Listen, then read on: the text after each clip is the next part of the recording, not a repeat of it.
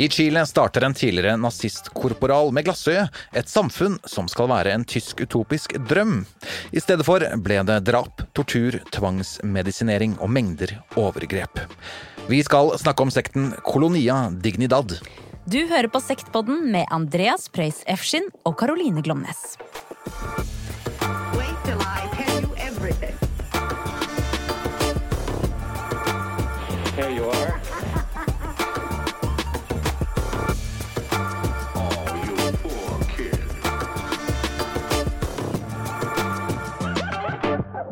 Velkommen. Velkommen. Vi starter med litt sektnytt. Yes. Fordi det er utvikling i Love Has Won-saken som vi har fulgt eh, tett her i Sektpodden.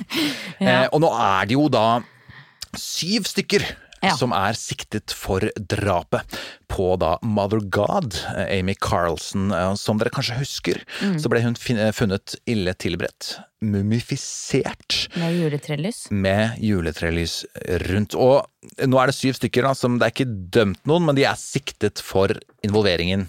Involveringer i da dette drapet. Ja. Og spennende nok så er det en som eh, heter Christopher Royer, som er førstemann ut i, i retten nå snart. Altså det, det skjer i disse dager, og det blir spennende å bare gå gjennom alle sju og finne ut hva som egentlig har eh, skjedd her. Veldig. Veldig. Men tilbake til da eh, dagens eh, sekt. Ja. He, altså, I mange sekter så sitter jeg eh, med følelsen av at grunntanken egentlig er god. Hvis du skjønner hva jeg mener. Altså, sånn, jeg tenker at ofte så altså, Det ender jo ofte feil, men at det fins noe godhet der. Og at lederne i hvert fall tror selv, at, eller er overbevist selv om at det de gjør, eh, er riktig. da. Ja, Så målet er riktig, men Ja, egentlig. metoden Ja, eh, men så går det feil, og så blir det litt maktsyke, og så skjer Ja. Men sektleder Paul Schäffer og Colonia Dignidad opplever jeg som ren ondskap.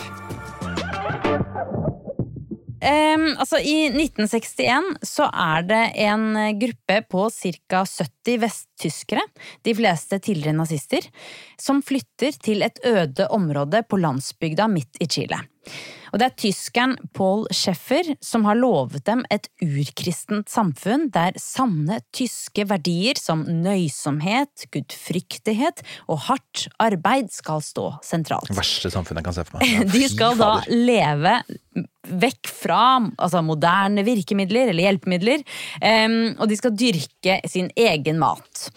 Paul han kaller stedet Colonia Dignidad, altså verdighetens koloni. Også kalt Villa Baviera, den bayerske landsbyen. For dette skulle ligne, og lignet mye, på en tysk landsby.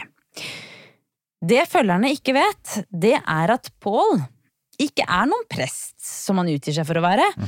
Han er tidligere nazikorporal eh, på flukt fra tyske myndigheter, mistenkt for flere seksuelle overgrep mot barn.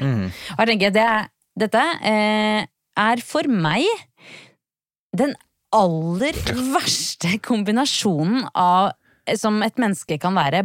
Altså en nazi-pedo. Pedo. Pedo. Ja, En nazipedo. ja. Det er eh, Jeg kan ikke tenke meg verre. Også, eh, han utga seg for å være prest. Ja. Han, har jo, bare, han har jo holdt seg unna altså myndigheter og politi greit lenge nå. Ja, veldig. Etter krigen, 45-61. Han har det. Um, og vi skal se litt på hvem denne Paul Sheffer er.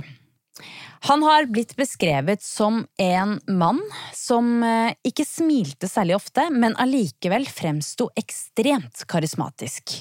På bilder så ser man en ganske liten mann. Eh, Jeg syns han ser fysisk sprek ut. Mm.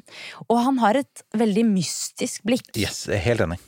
Og det mystiske blikket, det skyldes en ulykke han hadde som barn med en gaffel. Og den, denne ulykken gjorde at han mistet sitt høyre øye og fikk satt inn et glassøye. Han ble født i 1921 i den tyske byen Bonn. Ja. Og han vokste opp med en alenemor. Og han blir, har, har blitt beskrevet da som en veldig sånn klumsete og lite skoleflink elev. Ja. Klumsete, altså der er gaffelen, tenker jeg. Altså, Det må jo ha vært, Ja, ja, det det må ha vært en, ja. vært en ulykke. Ja, Hvis du klarer å stikke ut ditt eget øye med en gaffel. Ja, det er godt gjort. Ja. Vi hadde nesten en litt lignende ulykke hjemme hos oss eh, da jeg var barn. Eller var, det kunne gått så gærent. Jeg husker bare at Torgeir lurte sånn på hvordan Torgeir som er broren din. eh, Torgeir, min mellomste bror, eh, lurte sånn på hvordan honningkorn lukta. Eh, så han tok en honningkorn i hånda, og så lukta han den, og så, og så snifta den som satt Opp i nesa. langt opp i nesa. Ja. Han tok en skikkelig drag. Oh. Eh, og da prøvde mamma å få den ut med gaffel. Nei, Eh, jo, det er veldig dumt, da. det var, det var veldig dumt. Nei, opp i nesa. Ja, opp i nesa. Men det var, jeg vet ikke om det hadde vært verre med kniv. Ja, det hadde det, Ja. men, men gaffel er like Bruk noe annet, da. Bruk en skje, den om ikke annet. Bitte liten teskje. Ja, ok. Ja, det, er, Så, det er ute nå. men de, den er ute i dag. Oh, okay, og han vet hvordan honningkornet lukter. Em, altså, Paul Han var med eh, i eh, nazisttroppen, holdt jeg på å si. Kjempet i andre verdenskrig. Der ble han også utdannet eh, medic. Altså ja, lege, Mm. Lege, i militæret. ja. Um, og etter andre verdenskrig så startet han et barnehjem og Baptist Ministry, som var liksom en slags baptisttjeneste, som skulle være en hjelpeorganisasjon. Em, og Scheffer fulgte da læren, læren til den amerikanske predikanten William Branham. Ja, Han har, vi, ja, han har vi snakket om. Han eh, skal også ha hatt veldig stor innflytelse på sektleder Jim Jones. Ei, ei, ei, ei. Ja. Da har du mye dritt på eh, samvittigheten. Ok. Ja. Eh, altså, eh, og læren han praktiserte, den var veldig bokstavelig bibeltro. Kvinnen skulle adlyde mannen 100 eh, og han hadde mange apokalyptiske visjoner. I 1959 så grunnla han sammen med baptistpresten Hugo Bar, hjelpeorganisasjonen og forsamlingen Private Sosiale Misjon. Det- Var det tysken din? Det var tysken min. Var det bra? Jeg tror jeg ikke det. Men Nei, du skjønner det, alle skjønner ja, ja. ja. Dette var blant annet et eh, barnehjem for vanskeligstilte barn, eh, men to mødre kom med anklager, grove anklager, om at Paul hadde forgrepet eh, seg på deres to sønner. Så Paul han eh, flytta hele barnehjemmet og forsamlingen til Sigenburg. Mm. Sigburg. Ja. Sigburg. Det er altså i Vest-Tyskland. Og det var mange som fulgte med han dit, men det var ikke langt nok vekk fra disse anklagene, eh, så han begynte å forberede forsamlingen på å reise ut av landet. Og Paul overbeviser altså forsamlingen om å selge sine eiendeler og følge han og starte et nytt, tyskt, urkristent samfunn utenlands. I etterkrigsårene ble tyske og europeiske immigranter ønsket velkommen i Chile. Og de fikk kjøpe billigjord. Chile var på dette tidspunktet ledet av den konservative presidenten Jorge Alessandri, som ga Paul tillatelse til å opprette Dignidad Beneficient Society.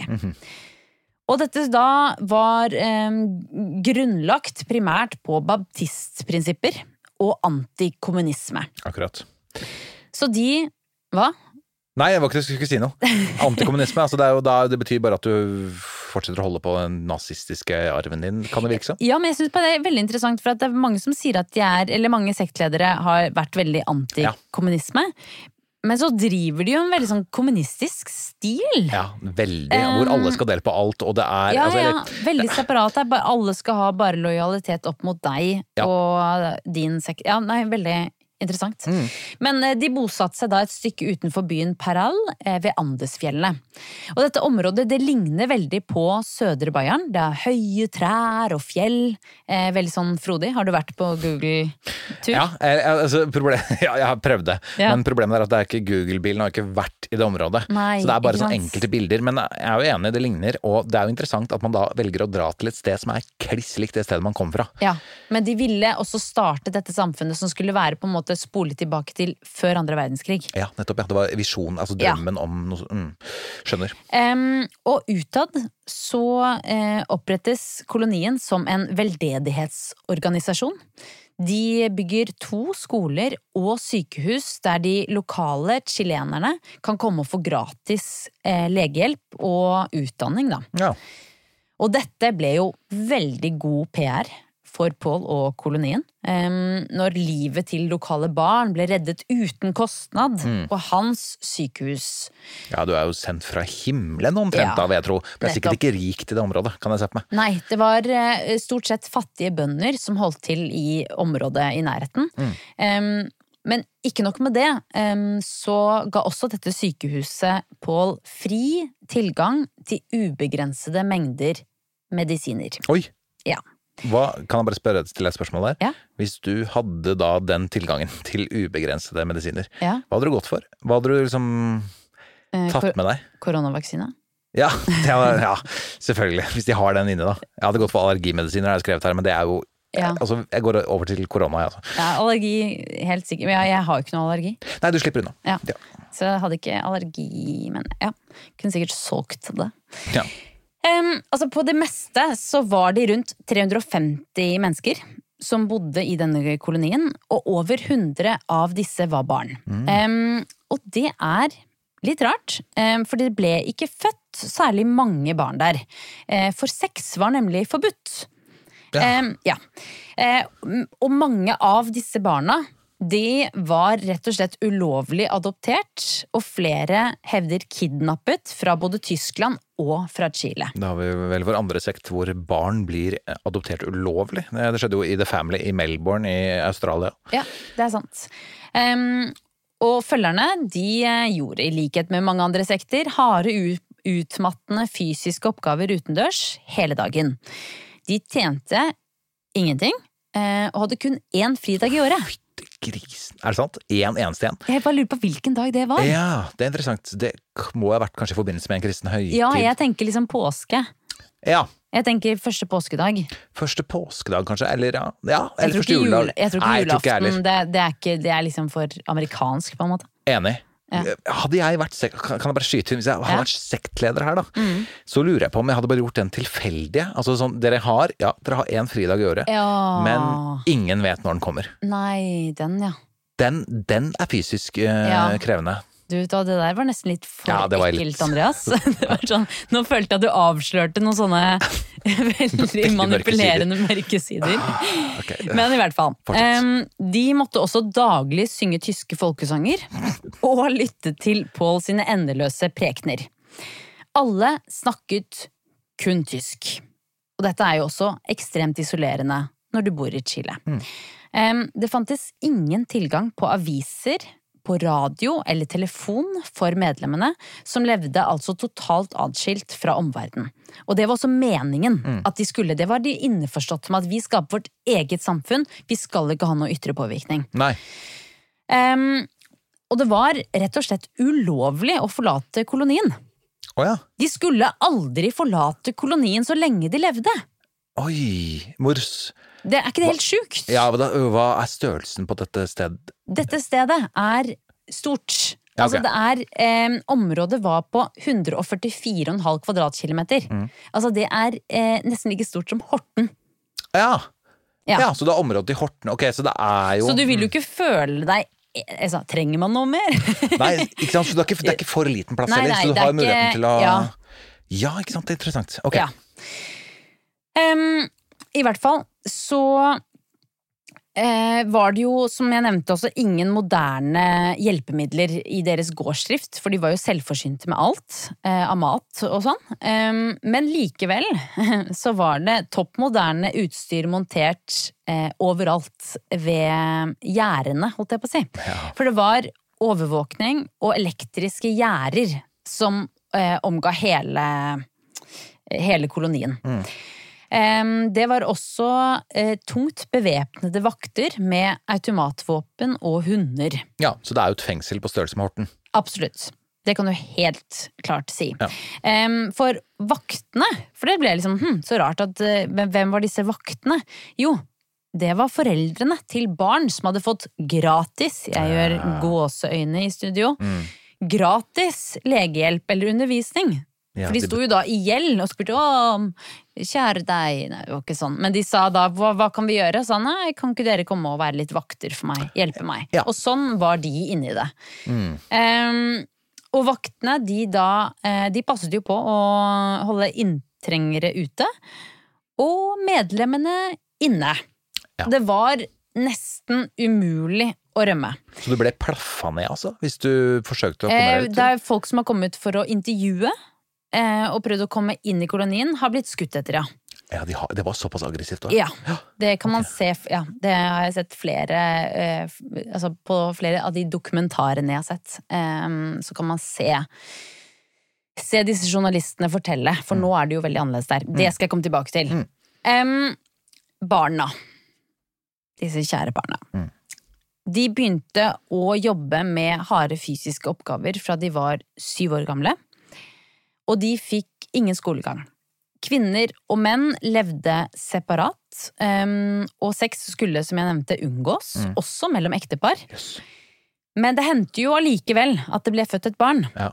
Um, og disse ble da tatt fra sine foreldre rett etter fødsel. Mm. Så alle barn levde altså helt atskilt fra foreldrene sine. Og de skulle ikke vite hvem moren eller faren sin var, eller om de hadde søsken. Mm. Og foreldrene fikk ikke lov til å være nær barna sine, eller å fortelle dem at de var deres foreldre, da. Nei. Um, alle kvinner de skulle gå i kjole og kalles tante, og menn måtte være kortklipte og kaltes onkel. Og Paul, Schäffer selv, han skulle kalles den permanente onkel. Det er det dølleste kallenavnet hittil. Ja. Permanente onkel. Enig. Kall det noe kult, da. Ja, permanent onkel. Permanent Han som alltid er onkel. ja. Okay. Nei, det er jeg enig i. Eh, Det, det er ikke noe schwung over det Nei, det det. ikke i det hele tatt, men det er litt sånn tysk over, da. Altså, uten å være Permanent. Ja, Ja, altså, nei, det er bare en perman er sånn hardt Ja. tysk permanent onkel. Ja. Enkelt og greit. Ok. Ja. Eh, altså, kvinner, menn og barn bodde da i atskilte hus, delt inn i alder. Eh, og barna bodde i Kinderhouse. Eh, og den eneste voksne som også bodde der, og hadde en egen fløy i Kinderhouse, det var Paul selv. Um, og eh, det er ikke noe overraskelse at uh, Paul um, Eller det er kanskje en overraskelse for noen, men eh, Paul var uh, pedofil. Ja. Um, og det som jeg syns jeg, sa, jeg tenkte litt på det under forrige episode, Andreas. For da snakket vi om at David Berg Mm. i Children of God At han er ganske sånn unntak av regelen. Mm. Eh, vår lille sektregel som vi har kommet opp med her. Mm. At de starter sekt når de, er, eh, når de er 32. At de endrer navn. At de kommer fra stor søskenflokk. Altså disse tingene. Mm. Ikke Pål heller. Nei, nei. Så det vil si, altså de to drøyt pedofile da, Mm. i sektlederne våre, de er begge to unntak. Ja. Ingen endret ordentlig navn. Nei. Altså Han kalte seg den permanente onkel. Jo, han men det er en tittel. Ja, som Moses tittel. David. Ja, Ja. ja. Eh, og han var jo fra, altså, vokste opp med en alenemor, ikke noen flere søsken så vidt jeg vet. Ja. Og startet mye senere enn den alder 32. ja, det gjorde han absolutt. Altså. Det Det var er interessant. Det var en liten greie. Ja. Ja. Et av barna eh, som vokste opp i denne sekten, heter Wilfrid Hempel. Han var ti år da han fikk en mistanke om hvem foreldrene hans var. Em, og han forteller eh, i intervjuer så hjerteskjærende Um, om hvor ekstremt ensomt det livet var. Han forteller at han og de andre barna de hadde ingen Altså de hadde ingen å venne seg til eller å få trøst av. Mm. Og du blir også belønnet hvis du på en måte outet noen. Ja, du sladra rett og slett. Ja, og han forteller også om jeg nesten helt sånn øh, vond i sebben. Men eh, at de ble jo straffet ved å ikke få mat, for eksempel. Mm. Hvis de hadde sagt eller gjort noe som ikke var greit. Um, og hvis da nabogutten ga deg noe mat, så ble han også straffet. Og fikk jo kanskje ikke mat på ja, mange, mange dager. Mm. Eh, sånn at alle var jo bare eh, sin ensomme egne lille øy, Mm. og oppi dette og turte jo ikke eh, kritisere eller komme, for da var det jo andre som fikk kanskje litt ekstra mat, da, for eksempel, hvis du ja, outet noen. Jeg, bare, jeg, bare, jeg prøver å sette meg inn i den situasjonen der hvor du liksom ikke vet noe om de rundt deg. Ja. Om man likevel danner en viss form for nettverk? Altså får man, får man en eller annen sånn tilknytning til noen, selv om man ikke kan omtrent nesten prate sammen, da? Ja. Eh, og vet man, kan man Altså, jeg bare lurer på om man liksom skjønner at kan, Er de foreldrene mine? Altså liksom Ja, han hadde lagt merke til at han hadde fått liksom litt ekstra blikk og sånn. Ja. Eh, og at det var en av mennene og en av damene som ofte på en måte sto som endte opp med å stå litt nærmere han hvis de hadde noe opp Altså um, Som de hadde blitt straffet for, da. Jeg skal komme tilbake til hvordan det går med eh, Wilfrid i dag. Ehm, men det er, det, er, det, er, det er en skikkelig sterk historie. Um, I hvert fall. Han eh, var syv år gammel da Paul begynte å mishandle han. Um, og da ble han om mulig enda mer alene også. Eh, Paul, han, Paul Sheffer, han har voldtatt og mishandlet utallige unge gutter fra sekten og fra landsbyene rundt i området.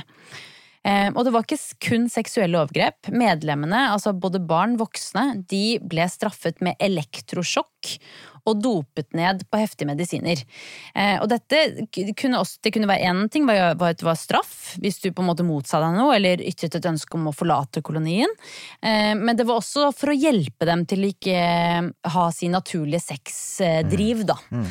avvenningsterapi på en måte, da. Nesten Ja. det der i elektrosjokk hvis du jeg vet ikke det, hvordan det fungerte, om du, når, hvis du viste en eller annen form for lyst eller eh, begjær for noe, så Ja. smell, så fikk du en elektrosjokk. Ja, det, jeg vet ikke hvordan de på en måte øh, gjorde det. Eh, men altså, tidligere medlem Gudrun Møller og hennes mann de kom, ble, var begge de som var voksne da de kom inn i sekten, og valgte å eh, følge sjefer fra, Lon- eh, fra Tyskland.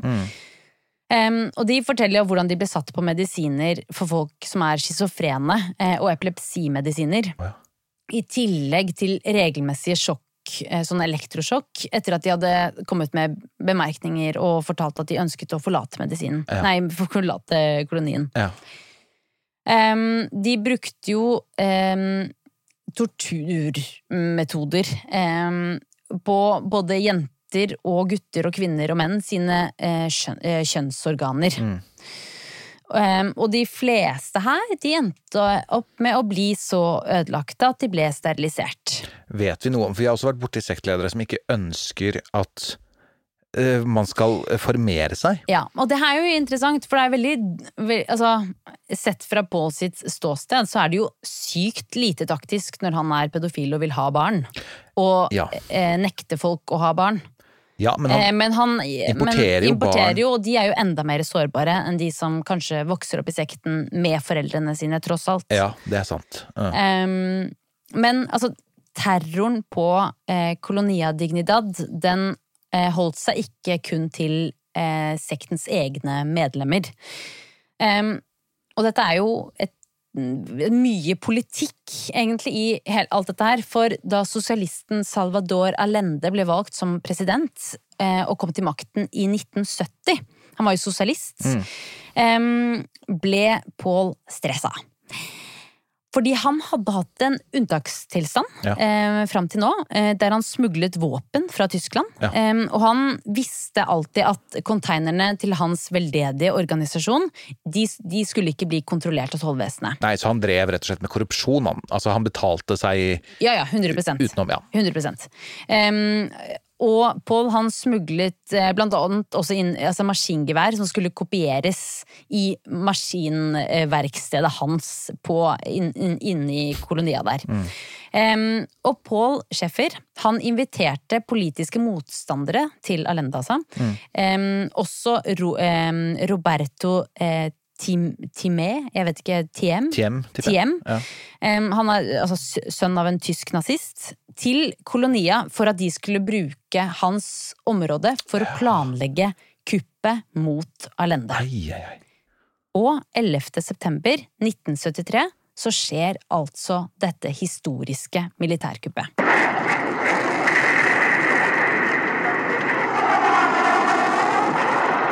Tuesday, September the 11th. Out of an early autumn sky, two jets launch a deadly attack on a potent symbol of democracy and freedom in a nation's capital. The result is fire, suicide, and ultimately the death or disappearance of over 3,000 people. Etter langvarige streiker og vanskeligheter i Chile gjorde de militære styrkene i landet opprør mot president Salvador Allende den 11. september.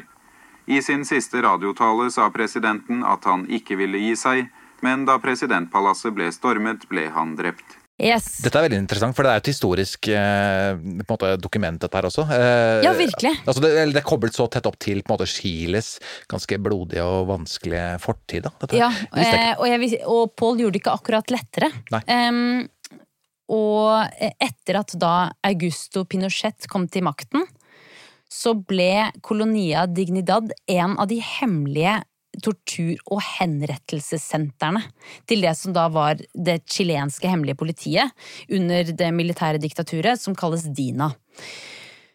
For under jorden, på området i kolonien, så var det hemmelige tunneler og ganger. Og dette ble da et isolert sted der Dina og Pinochet kan komme med politiske motstandere og torturere og drepe dem. Og ifølge Amnesty International så er det 119 personer som har blitt sendt til Dignidad og, ble, eh, og blitt eh, torturert der. Og mange av disse har aldri blitt funnet, men massegraver på området har gjort at flere har blitt identifisert nå. Ja. Um, Kolonia Dignidad ble også brukt til å produsere kjemiske våpen. I alle dager. Ja. Altså, det er alt det jævlige du kan tenke deg på ett samme sted. Ja, gass, mye greier. Um, og det var også fordi um, kolonien hadde status som veldedig organisasjon, så kunne de importere og eksportere helt toll, tollfritt. Ja.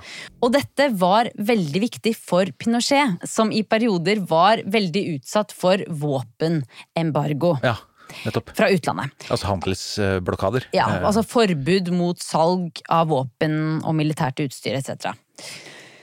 Um, og det er jo så groteskt at dette fikk pågå så lenge som det gjorde, men det var jo mange som prøvde å stanse Pål og gjengen eh, nesten helt fra starten. Ja. Altså Allerede i 1966 så var det en 18 år gammel gutt som klarte å rømme fra sekten og anmeldte overgrep. Men saken ble avsluttet året etter pga. manglende bevis. ja, og sikkert ingen eh, som dro dit for å undersøke heller. tipper. Kanskje ikke, det Nei. vet jeg ikke. Nei. I 1977 så var Amnesty International engasjert i å avsløre sektens virksomhet, men eh, Colonia Dignidad hadde visstnok sterke forbindelser med Vest-Tyskland. Mhm. Altså Den tyske ambassadøren i Chile besøkte sektområdet, og det samme gjorde den eh, bayerske delstatsministeren Frans Josef Strauss. Jaha, ok. Um, og, og bare, det er jo interessant, for eh, Paul Schäfer kjørte rundt med diplomatskilt i Chile. Ja. Hvorfor gjorde han det? Eh, Nei, det var jo fordi altså, han hadde kunne jo dømmes for et eller annet, eller kanskje? Eller eh, Altså, jeg vet ikke, kjør så fort du vil, men altså, han kan parkere hvor som helst og Du Ja, ja, slipper men- unna med alt mulig rart hvis du har diplomatskilt. men han har ingen rett til å ha diplomatskilt. Nei, det er riktig. Eh, og det er bare, det sier så mye, syns jeg, da, om disse politiske eh, kontaktene hans. da. Men han er vel i lomma på de fleste riktige byråkrater, da, tenker jeg. Ja, virker sånn når han i det tillegg da har eh, altså, selveste presidenten Ja. Eh, i sin hulehånd med, med alt denne torturen som foregår eh, hjemme hos solgte en helt jævlig vare til presidenten. Ja. Her kan du henrette En og ganske, torturere folk. en ganske dårlig president også, kan jo, man jo si. jo, jo, jo. Ja.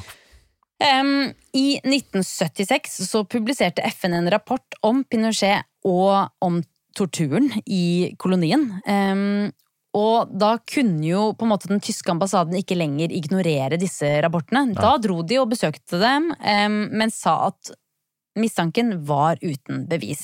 ja. Det var også sånn konservative eh, et tysk eh, parti i Tyskland eh, som eh, besøkte dem. Og da ble de møtt med bayerske folkedanser. Ja, ja, her er alt fint. Ja. Her danser vi jo. Ja. Og selv om eh, det kom slike anmeldelser fra gutter som klarte å rømme opptil flere ganger, så var følgerne i Dignidad tause. Mm. Og de avviste alle påstander. I 1990 så ble Pinochet-regimet styrtet. Og året etter allerede ble kolonien forsøkt oppløst av chilenske myndigheter. Mm. De kuttet statlige midler til sykehusene til Schäffer, em, opphevet den ideelle statusen. Jeg tenker at de hadde det, altså ja, de veldedighetsstatus Ja. fram til 1990. Ja, det Så har er du tatt livet av 190 mennesker i alle år. Jeg er 119, ja. Ja, 119, ja. Eller torturert, i hvert fall. Ja. Ja. Men så blir det endelig sendt ut en arrestasjonsordre på Paul Sheffer. Det er da etter at 26 barn som har vært tilknyttet skolen, sykehuset eh, og eller sekten, eh, har rapportert om misbruk. Politiet de drar for å arrestere Paul. Men hvor er Paul? Borte vekk, tipper jeg. Paul er borte. Ja. Paul er ingen steder. Paul forsvant 20. mai 1997. Ja, det Men altså, i løslufta, for han var ikke Han var sporløst forsvunnet, eh, og ingen i kolonien visste tilsynelatende hvor han var heller. Mm. Det ble allikevel eh, holdt en rettssak i hans fravær, da. Ja. Eh, og han ble dømt og funnet skyldig. Men han ble jo ikke tatt, eller han var jo fortsatt på rømmen. Og i åtte år Mm. Så klarte denne mannen å gjemme seg! Det er helt sinnssykt. Det Og dette er en gammel mann nå. Han er Ja, ja. ganske gammel på ja, det ja. tidspunktet. Ja, ja, i slutten av 80-årene. ja, nettopp. Og det var først da i 2005 at en journalist og en advokat klarte å spore han opp i, et, i en sånn luksusvilla 32 km fra sentrum av Buenos Aires i Argentina. Ikke så langt unna eh, på en måte, Ikke så hovedstaden heller. langt unna. Så det- Nei, nei. Men eh, kult for, eh, for journalisten. Jeg tenker bare Det er skuepris. Hvis du da Helt klart. klarer å finne han. Ja. Absolutt. Em, og altså disse bildene som er tatt eh, rett etter at em, de har tatt eh, Altså etter at eh, Han er arrestert. Han er arrestert, eh, takk. Det, det er sånn Jeg, jeg, eh, jeg får eh, gåsehud. Not in a good way. Altså, Ja, ja, ja. Han sitter med et sånt derre det, det smilet hans, et sånt stivt smil, og det derre glassøyet som bare Ja, Ja, det, er, det er fjes. Og vi, vi skal legge ut det bildet vi legger ut bilde. Han sitter da i rullestol. Ser litt snill ut òg, det er det verste. Eh, nei, jeg syns han ser Helt sjukt jævlig ut. Ja. Okay. ja, vi Men vi, der vi snakket om det der med når man får sympati. Ja. Om du, du får er er lettere gammel, ja. sympati fordi han er gammel i rullestol, ikke Ja, sant? det. Det får ikke jeg. Nei, det er bra. Det er bra Men er dessverre så er det kanskje glassøyet som gjør at jeg syns han Er jævlig, ja. Ja, og det er jo helt de, forferdelig å si, men Gjør, eh, gjør dere opp en mening selv. Diskuter det rundt middagsbordet, kanskje. Er Ja, vi legger ut bilde, så Ja. kan dere eh, tenke selv. Mm. Og eh, han døde i fengsel 24. april 2010. Mm. Det var jo ikke bare han som var med på dette her. Em, han hadde jo selvfølgelig hjelpere, og det var 22 andre av følgerne hans som også ble dømt for å ha deltatt og ikke eh, forhindret overgrepene mot barna, hovedsakelig. hovedsakelig. Og en av hovedmennene, det var legen Hartmut Hopp. Ja. Sheffers høyre hånd. Det er hans doktor Mengele, på en måte. det Virkelig. Ja. Virkelig. For i eh, eh, 2011 så dømte en chilensk døm, eh, domstol han på 16 punkter for å ha hjulpet til med seksuelle misbruk mot barn. Han anket, og før chilenske myndigheter fikk tatt han inn til soning, så rømte han fra landet. Ja, han Så gjorde det. Ja, det er sjukt. det er Det blir jo tipsa her, vet du, av folk. Det sitter jo noen i Ja, han bosatte seg eh, i nærheten av Düsseldorf. Ja. Em, og Chile de har altså ingen utleveringsavtale med Tyskland. Tyskland. Men chilenske myndigheter ba Tyskland om å håndheve straffen på tysk jord. I 2017 så innfridde en domstol i eh, Kredfell forespørselen og bestemte at Hopp måtte sone en femårs fengselsstraff. Men Hopp sine advokater de satte i gang å anke, og i 2018 så avgjorde altså en domstol i Düsseldorf at em, Hopp ikke skal sone. Ja vel. Ja. Hvorfor det? De bestemte seg for å ikke håndheve altså en, en dom som er eh, framlagt i, i Chile. Ah, ok, ok. Men, hel, men altså, heldigvis, eller det jeg syns dette er krise, eh, selvfølgelig. Men Tyskland kunngjorde i mai 2019 at de vil betale erstatning på opptil 10 000 euro til hvert av ofrene eh, for denne tidligere nazistiske pedofilisekten. Mm. og denne nyheten, den eh, kom de med uken etter at den tyske påtalemyndighetene hadde lagt ned saken mot Hartmut, da.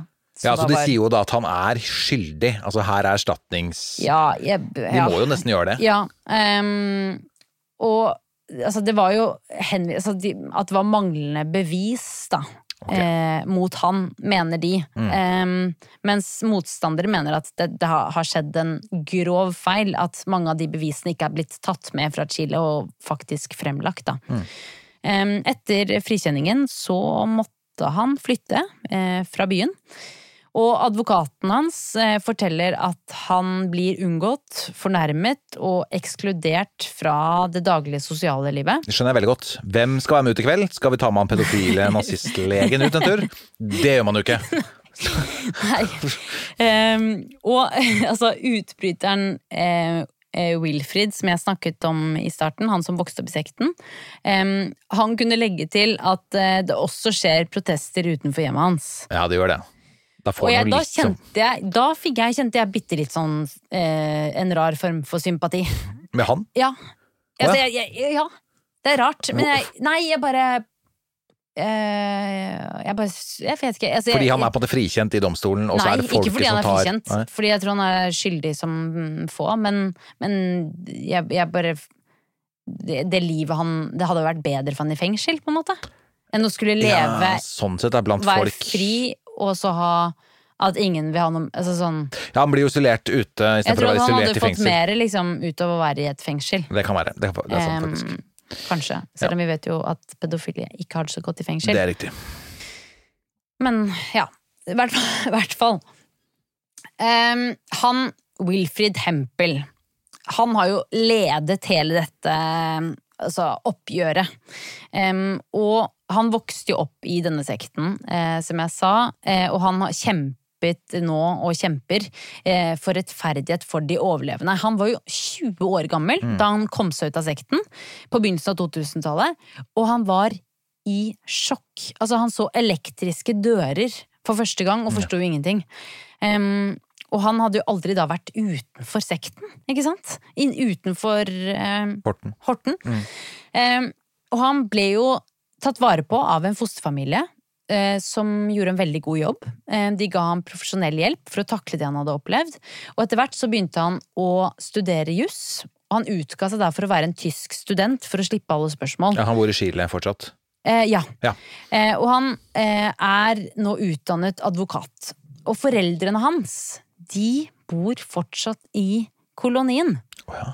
Og det syns jeg Det er jo veldig interessant. Ja, Em, og han har kontakt med dem.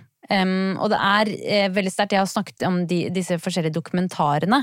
Eh, I denne dokumentaren der han forteller, så heter den em, The Colony Chiles Dark Park Uncovered. Den kan dere se på YouTube. Em, det er det, det, jeg syns det var veldig fint. Eh, og det er flere av disse nå godt voksne mennene som, som forteller om hva de har opplevd. Det har også kommet en spillefilm oh, ja, i de det. eh, 2015. Ja, Eh, med blant annet Emma Watson eh, og Mi- Michael Nyquist. Nettopp, ja. Michael Nyquist spiller Paul Sheffer. Den heter Kolonia. Ja. 7,1 på IMDb. ok, så helt ok film òg. Ja. Um, ja, For det fins fortsatt denne kolonien. denne kolonien fins fortsatt. Ja. Em, og nå er den i hendene på en slags um, reformkomité. Okay. Uh, og de har da gitt den navnet Villa Baviera. Ja. Beboerne står nå fritt til å komme og gå som de vil, og besøkende turister er velkommen. ja. Um, det bor ca. 300 mennesker der fortsatt, og de fleste er jo da gamle tyskere, da. Ja. Kolonien de prøver å rebrande seg og bli en turistattraksjon. Det Det er en av de tøffeste sånn rebrandingsjobbene man kan få, tror jeg. Um, men de har startet en tysk restaurant der, eh, og et hotell. Mm. Em, de som har uh, overlevd og brutt med denne kolonien, de vil jo at dette stedet skal bli et minnesmerke for å aldri glemme alt, den, alt av ondskap som foregikk der. Og at det ikke skal være stedet for oktoberfest. Nei. Nei, det skjønner jeg. Det, Det er vanskelig jeg å drikke bayer og danse liksom rundt i Ja, jeg jeg satt og tenkte sånn, ok, de, vil, de, de skal liksom For Fordi det er, en, det er, det er et forslag, eh, å arrangere eh, oktoberfester der. Er det sånn- respektløst da, eller? Ja, det er veldig. fryktelig respektløst. Men så tenkte jeg sånn, kjenner, det er jo ingen som vil dra dit. Nei, det kan du godt Det er Men jeg, Andreas, kunne du, kunne du ha dratt dit på Oktoberfest? Nei, nei, ikke på Oktoberfest. du liker sånn dark eh, Ja. tourism. Men ikke, jeg kunne ikke stått og danset og liksom, eh, med treskoene mine på en massegrav. Det er det det er. Nei, ja, det er jo det det er. Det går jo ikke, men jeg, jeg skulle gjerne besøkt stedet. Jeg sa jo tidligere i episoden også, jeg har sett det på kart, eller jeg har sett Ja. eh, bilder av det, og det, det ser jo ikke så forlokkende ut. Det er ikke et voldsomt flott sted heller. Mm. Og så er det interessant også da med tanke på sånn, husker du Guyana, der Jonestown eh, fant sted? De sletta jo bare De alt. prøver å slette det, men de har vel ikke klart det, eller? Jo, men der, der er det jo nesten ingenting igjen. Eh, og det er liksom, eh, man finner det ikke hvis man ikke har med seg en lokal guide. på en måte. Ja. Men her så er det et eller annet eh, Her skal vi, ja, som du sa, reformere. Altså Vi skal liksom gjøre det om til noe flott noe. Men jeg bare tenker at de som er der Jeg skjønner, jeg skjønner godt at hvis du er over 70 år gammel, Mm. kun har bodd her, altså siden 60-tallet, da, kun har bodd i denne kolonien, eh, aldri vært utenfor. Mm. Nei. Du har ikke sett eh, elektriske dører eller en rulletrapp eh, osv. Mm. Jeg skjønner veldig godt at du kan bli boende da. Ja da, jeg skjønner det. Det Altså. skjønner jeg. Ja. Og det er jo eh, Da er jo også men, men jeg bare tenker disse menneskene er bare så skadet. Mhm. De har bare blitt hersa med over så lang tid. Mm. Um, og det ville nesten vært liksom det tristeste å se eh, Jeg vet ikke. Ja. For det er liksom Det er jo ikke så gammel historie. Nei, det er ikke det. Han ble dømt, og så eh, Mannen døde jo i, i, i 2010. Mm. Det er liksom Det er ikke så lenge siden. Nei, nei, nei, ikke i det hele tatt. Og Helmut Topp og gjengen. Ja, han- ja, ja. Han lever jo fortsatt. Han lever fortsatt, ja. Så det er Ja. sånn er historia. Det, det er et Ja. fascinerende sted. Jeg visste ikke om det her, og det er veldig veldig fascinerende. Det er tips Eh, fra en lytter. ja. Tips fra en lytter. Godt å høre. Godt Så- tips også. Ja, veldig. Eh, fortsett å eh, skrive til oss. Vi blir glad. Rate oss gjerne. Eh, Mm. Gjør det. Tenk selv. Ja, tenk selv å aldri bli med i en sekt. Nei. Vadim Parce, vi høres.